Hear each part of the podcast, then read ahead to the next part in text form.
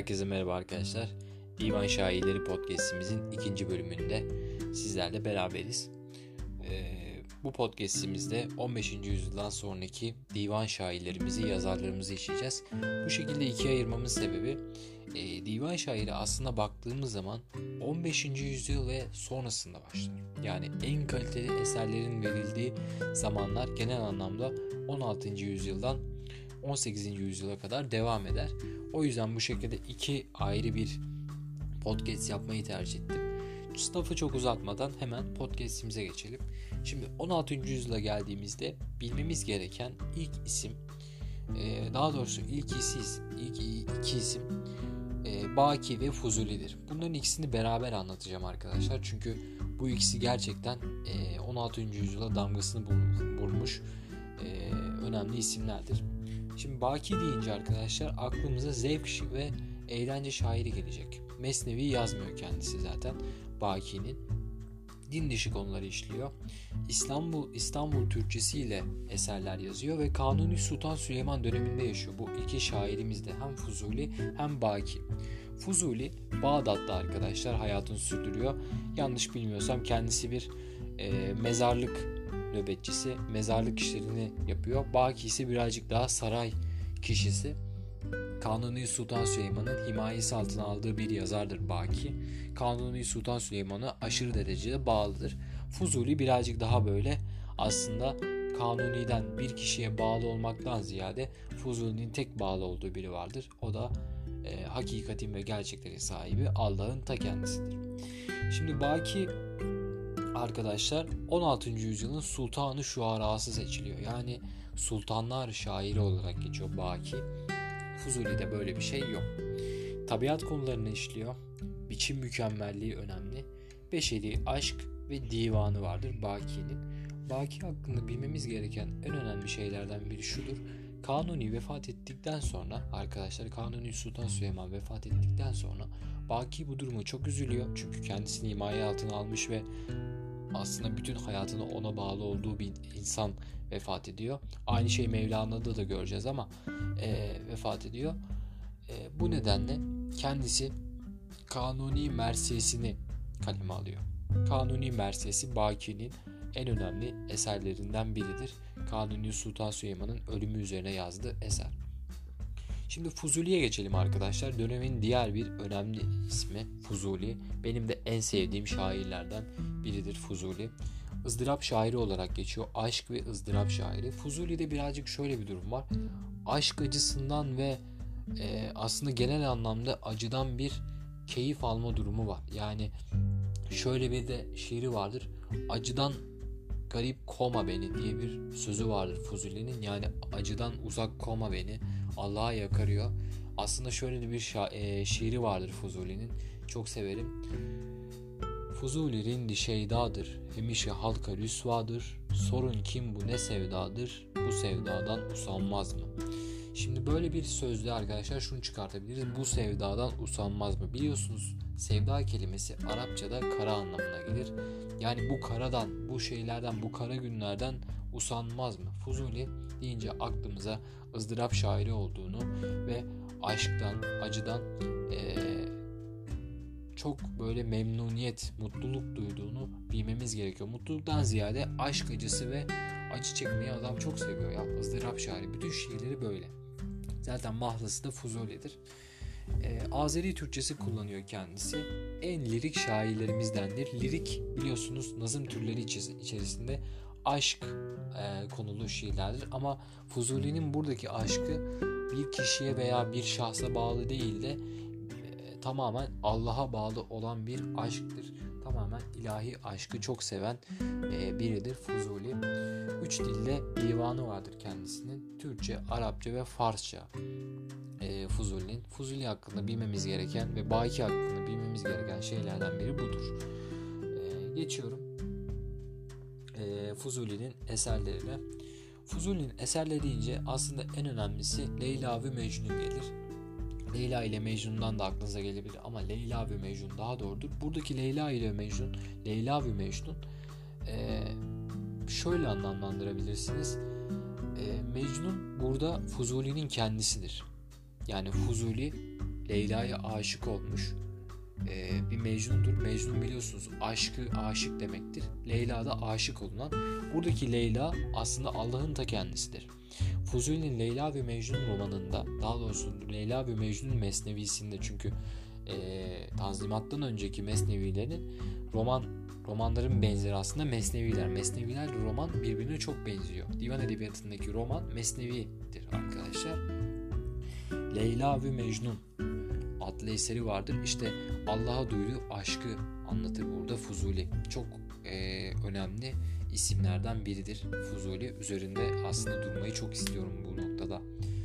E, Fuzuli'nin diğer bir eseri de arkadaşlar şöyle bir hikayesi vardır Fuzuli'nin. E, şimdi Baki biliyorsunuz sarayda yaşarken işte zevkten, aşktan vesaire sürekli söz ederken Fuzuli hayatını işte Bağdat'ta, Irak'ta geçiriyor. İşte e, mezar bekçiliği yapıyor vesaire ve devlet tarafından Fuzuli'ye bir maaş bağlanıyor.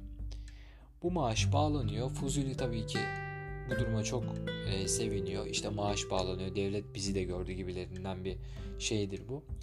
Daha sonrasında Kanuni Sultan Süleyman ölüyor. Ve kendisine bağlanan e, maaş da kesiliyor. Buna istinaden Fuzuli bir de şikayetname yazıyor arkadaşlar. Bu şikayetnamesinde devleti eleştiren, e, devlete karşı aslında birazcık böyle e, hiciv yapan sözler var. Ben benim en sevdiğim sözü şikayetnamesinde şudur. Selam verdim, rüşvet değildir diye almadılar. Güzel de bir aslında sözdür bu. O dönemin e, ilk şikayetnamesini yazıyor. Daha doğrusu dönemin ve divan edebiyatındaki ilk şikayetname, ilk mektup örneğini yazıyor. Fuzuli'nin eserlerine baktığımız zaman da yine Bengübade adlı eseri vardır. E, bu eserler de Fuzuli'nin bilmemiz gereken eserleridir. Birçok eseri vardır ama bizim üzerinde durmamız gereken eserlerden en önemlisi Leyla ve Mecnun, Şikayetname, Bengübade ve Türkçe Divanı olmasıdır arkadaşlar. Geçiyorum 16. yüzyıldan 17. yüzyıla arkadaşlar.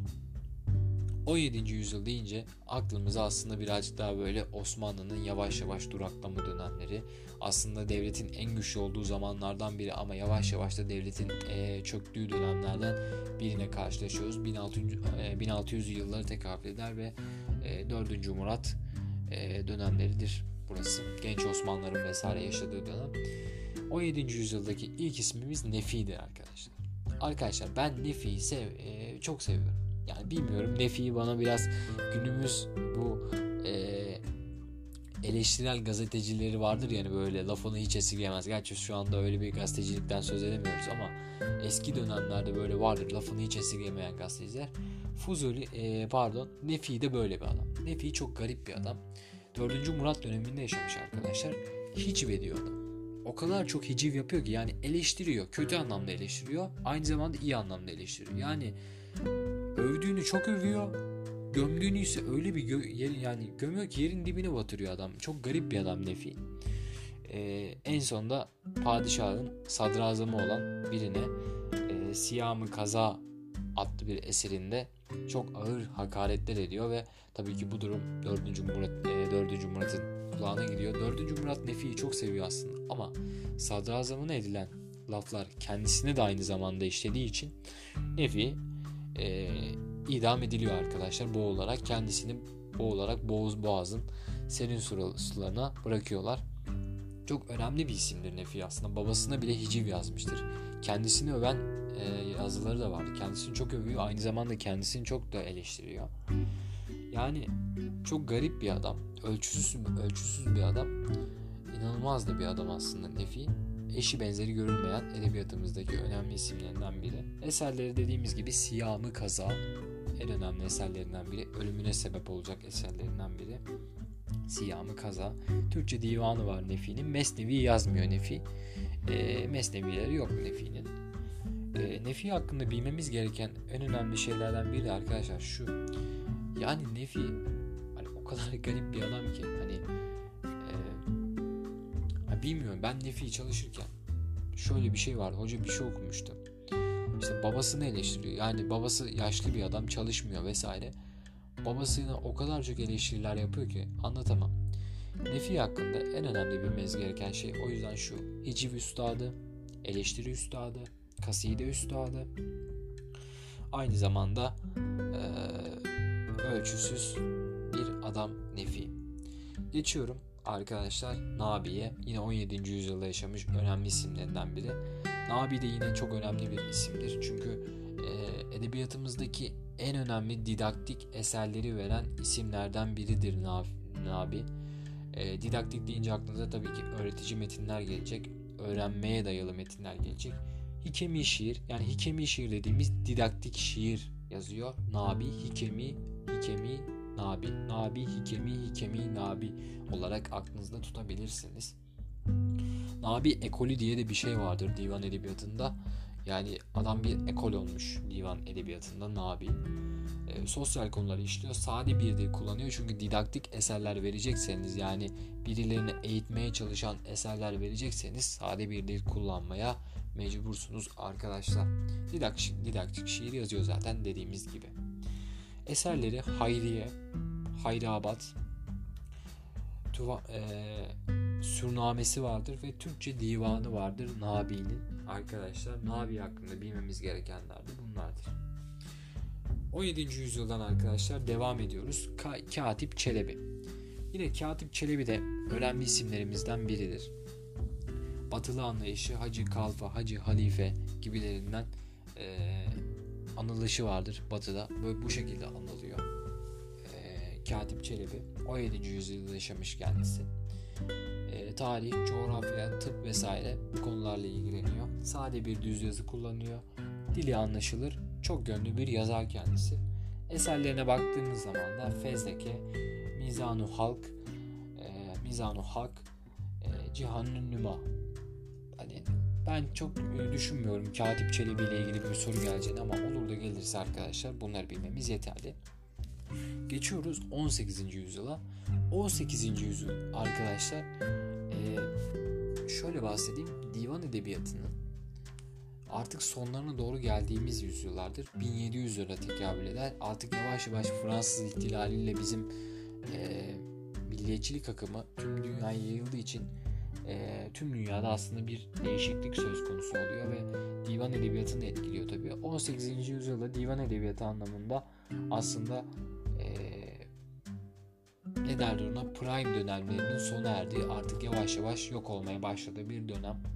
18. yüzyılda bilmemiz gereken şeylerden biri arkadaşlar Nedim'dir, yazar Nedim. Şarkıları vardır. E, Lale Devri eğlence şairi. Nedim hani vur patlasın çal oynasın öyle bir adam Nedim. Lale Devri zaten biliyorsunuz sarayın hani halkı görmediği, sabahtan akşama kadar düğün dernek olduğu, işte dansözlerin dans ettiği bir yer oluyor artık e, saray. Nedim de bu sarayın en önemli aslında ikonik isimlerinden biri. Zaten kendisi de çıkan bir isyanda damdan düşerek ölüyor. Çok ikonik de bir ölümü vardır Nedim'in. Şarkı türünün en önemli eseridir. E, şarkı türünün en önemli e, ismidir Nedim.